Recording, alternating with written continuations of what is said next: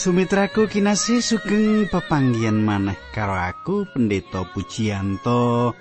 Kaya padatan aku bakal bebarengan karo panjenengan ing sawetara wektu iku yaiku ana ing sajroning adicara margi utami. Adicara kang wis panjenengan anti-anti pangajapku. Muga panjenengan tansah kinanti naning Gusti lubering rahayu tinepihno ing sambe kala apa-apa. Katengku sepisan maneh tak aturake marang panjenengan adicara kang trinengga ing dina iki mligi kagem panjenengan sing remen anggegilut sing remen isining kitab suci sing kepingin kasukmani diiseni babakan babakan kang suci. Mengkono Tumrap panjenengan sing kepingin karohanene kasukmane diisi babagan-babagan suci. Ayo pinarak sing sekeca dirungokake sing temenan aku bakal ngedum berkah kasuwargan marang panjenengan. Nun sugeng midhangetaken ati cara iki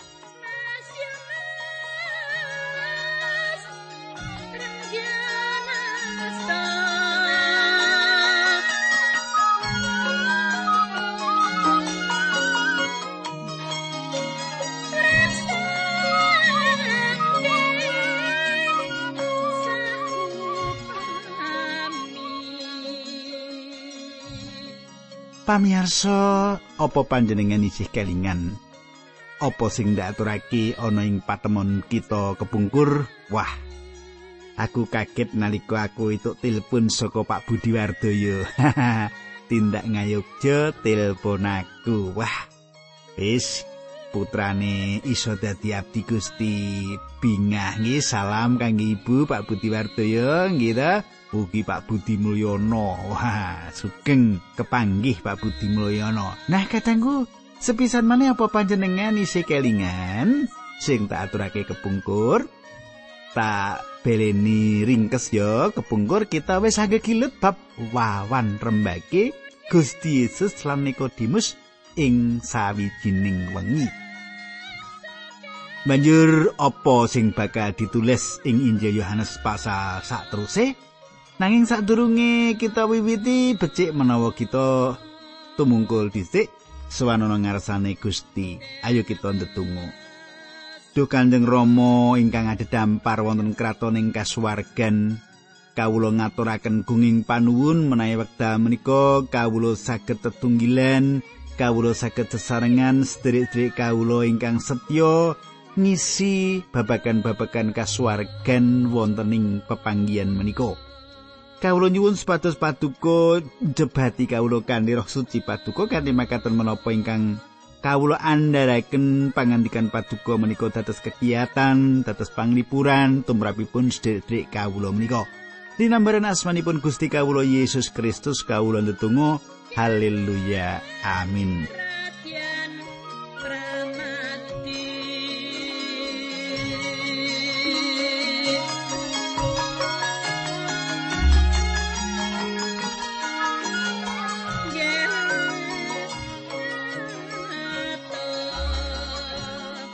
Kadangku kang dak tresnani saiki kita miwiti anggegilut. Miwiti pasinaon kita saka pasal telu Injil Yohanes ayat 28 nganti telung puluh. Tak wacake ayat 28 nganti telung puluh nanging aku ngaturake nganggo basa pedinan ya, dudu basa formal, basa sing biasane digunakake ana ing gereja kita. Mengkene surasane, kowe dhewe wis padha krungu tembungku. Aku iki dudu Sang Kristus mung kadawan disiki tindake. Penganten wadon kuwi duweke penganten lanang, kancane penganten lanang mung ngadeg ngancani lan ngrungokake. Wong mau wis seneng yen krungu suarane penganten lanang kaya mengkono uga aku. Saiki aku seneng banget. Wis sak mestine yen panjenengane saya mundhak lan aku saya suci. Kadangku, Yohanes Pembaptis iku nabi ing perjanjian lawas sing pungkasan. Coba gatekake. Penganten wadon kuwi duweke penganten lanang. Sapa ta penganten wadon iku? Manut panjenengan? Penganten wadon iku yaiku gereja. Aku lan panjenengan sing percaya karo Gusti Yesus.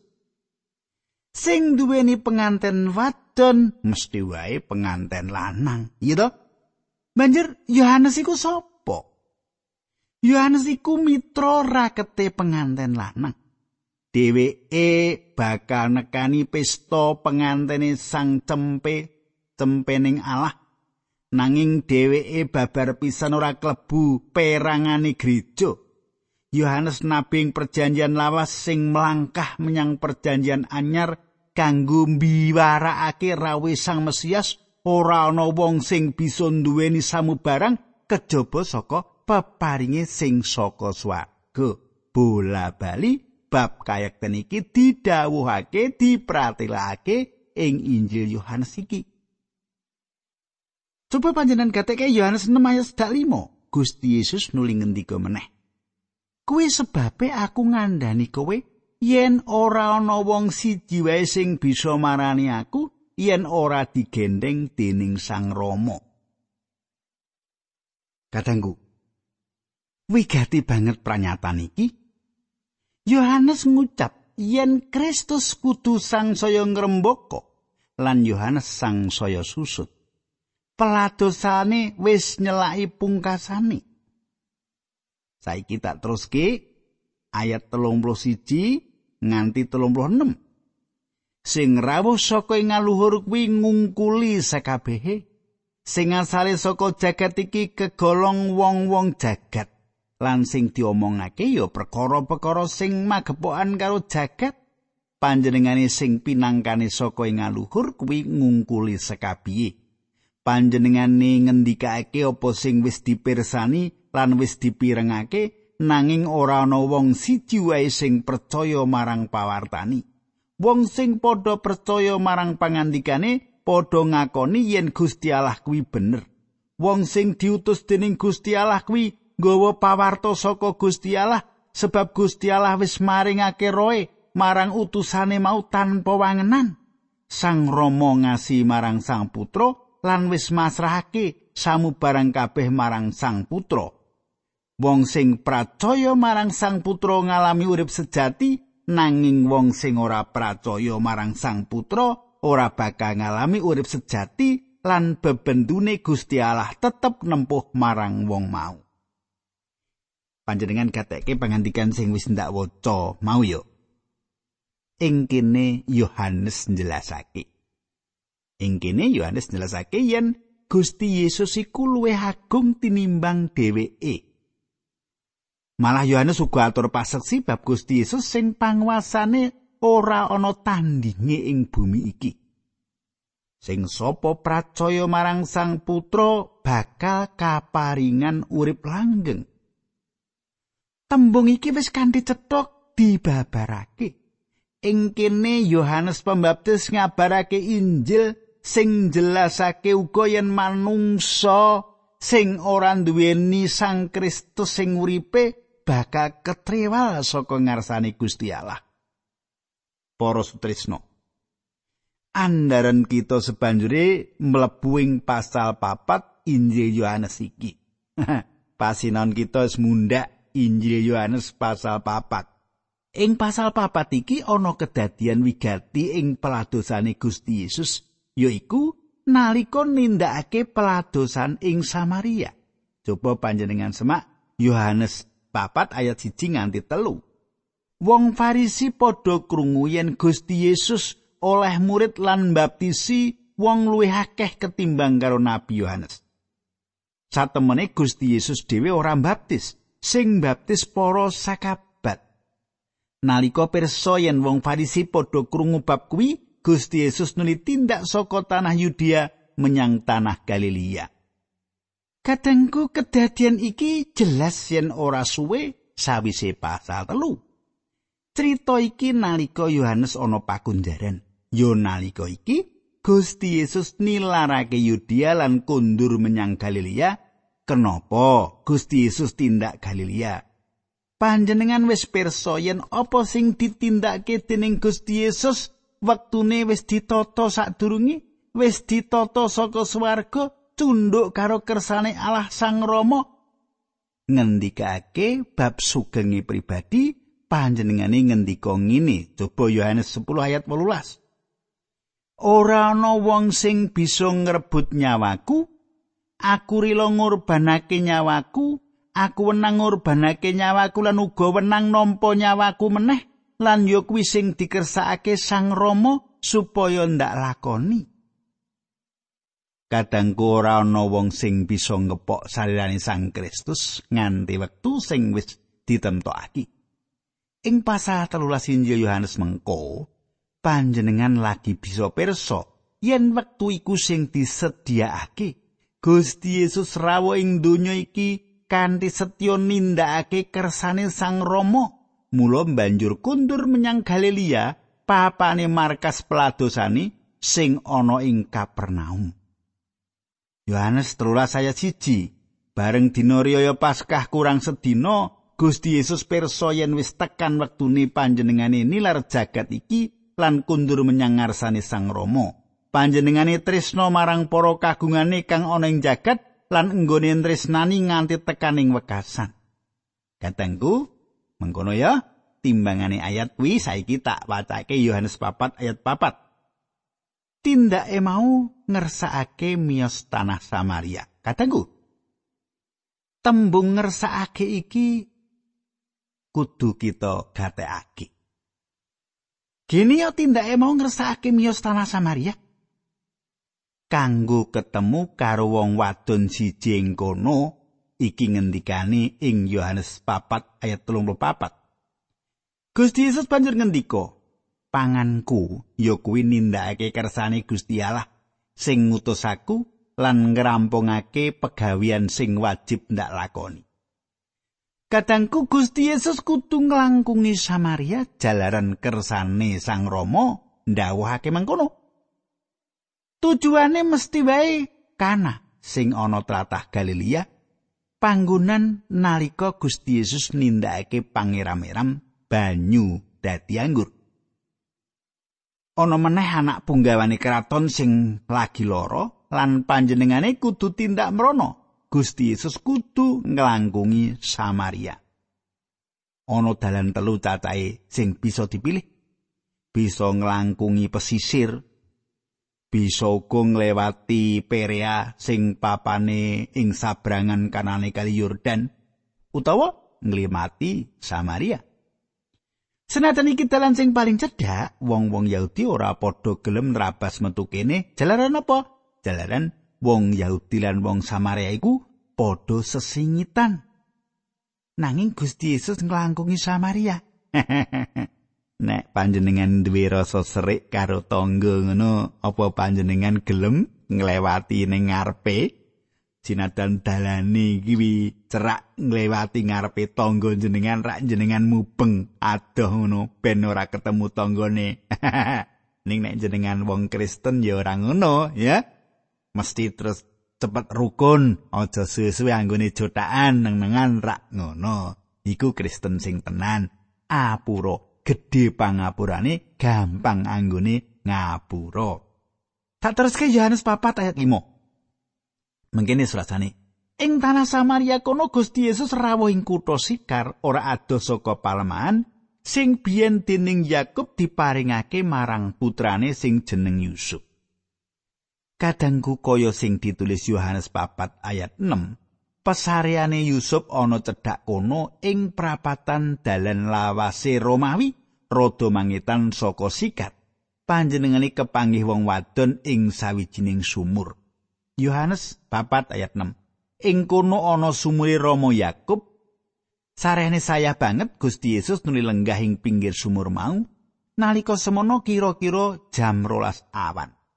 Kadangku kang ndak tresnani yen jam sing kanem iku diukur nganggo wektu Rom iku wayahe jam 6 sore.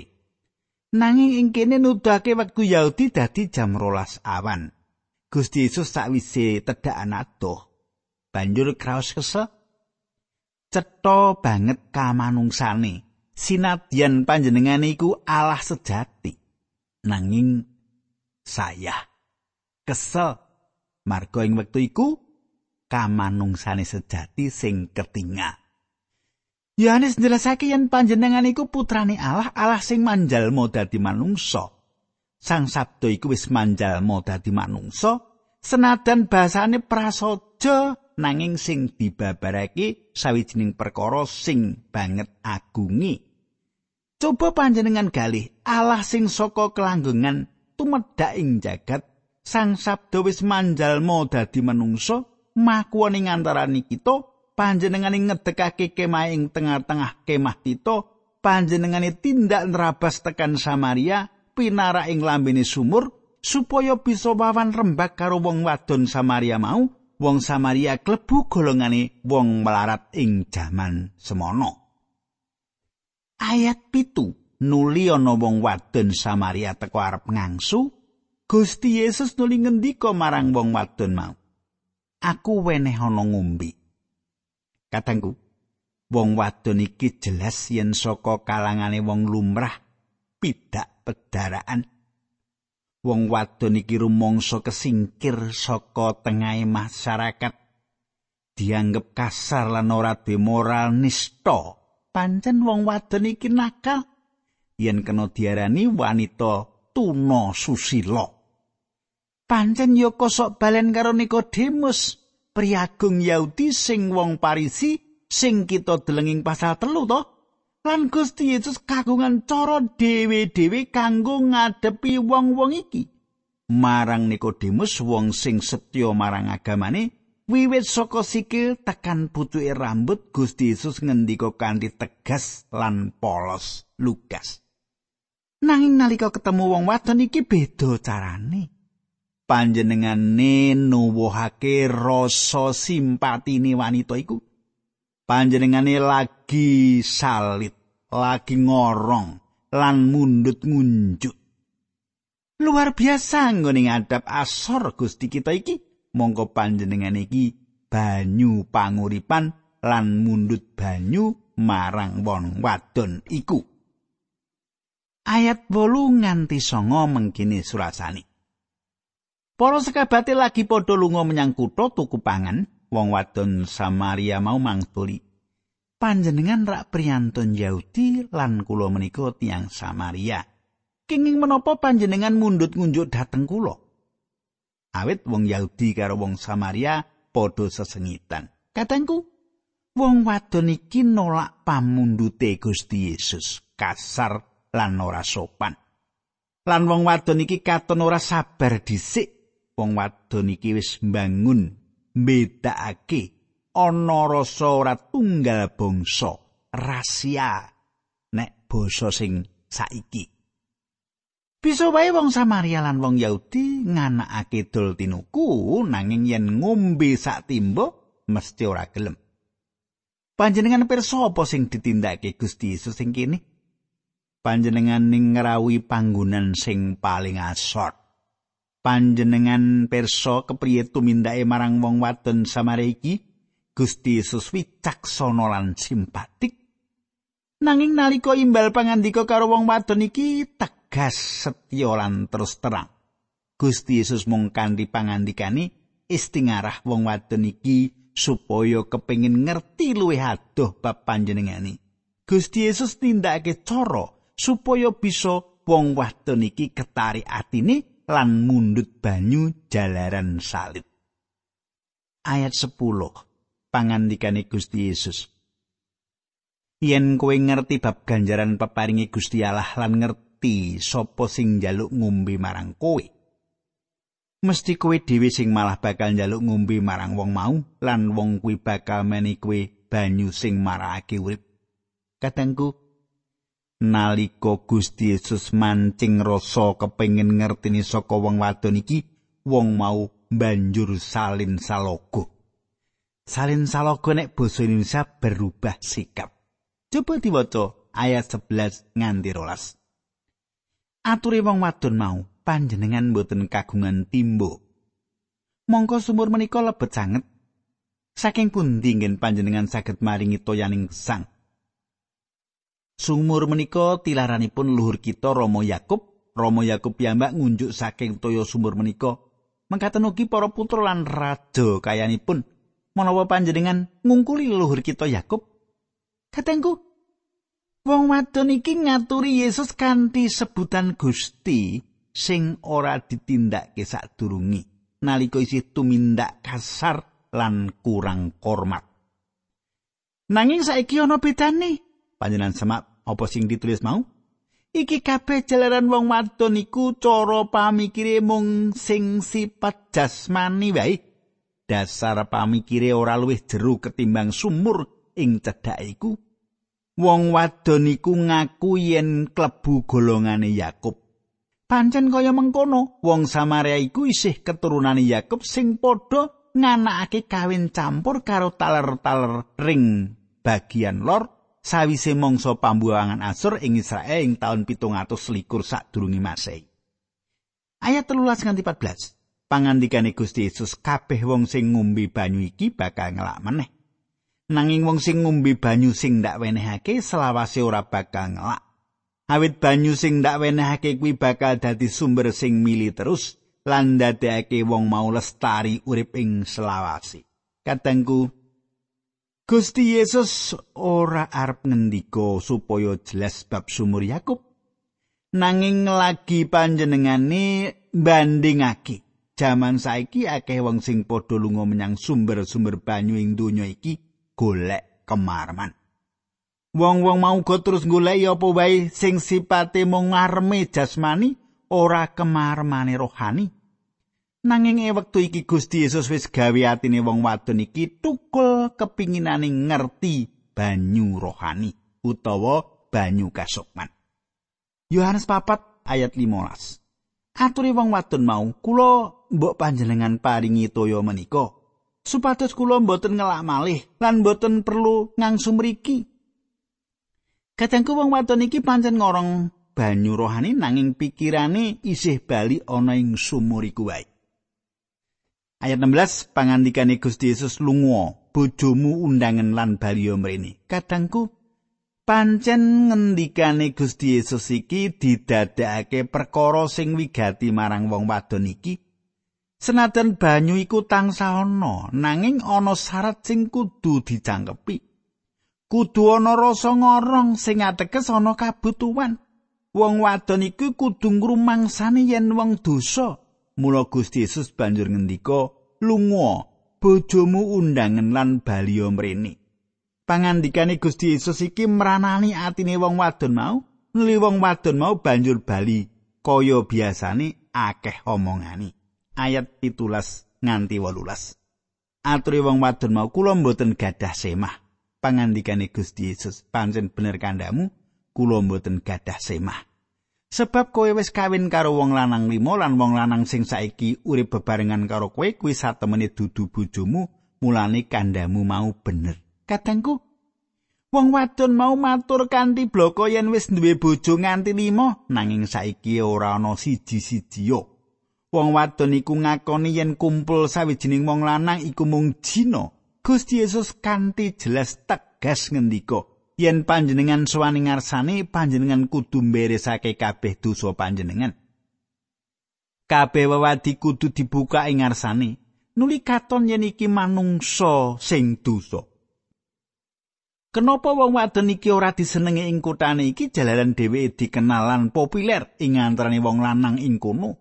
Wong wadon iki kaget banget jalaran eram ing sajroning ati.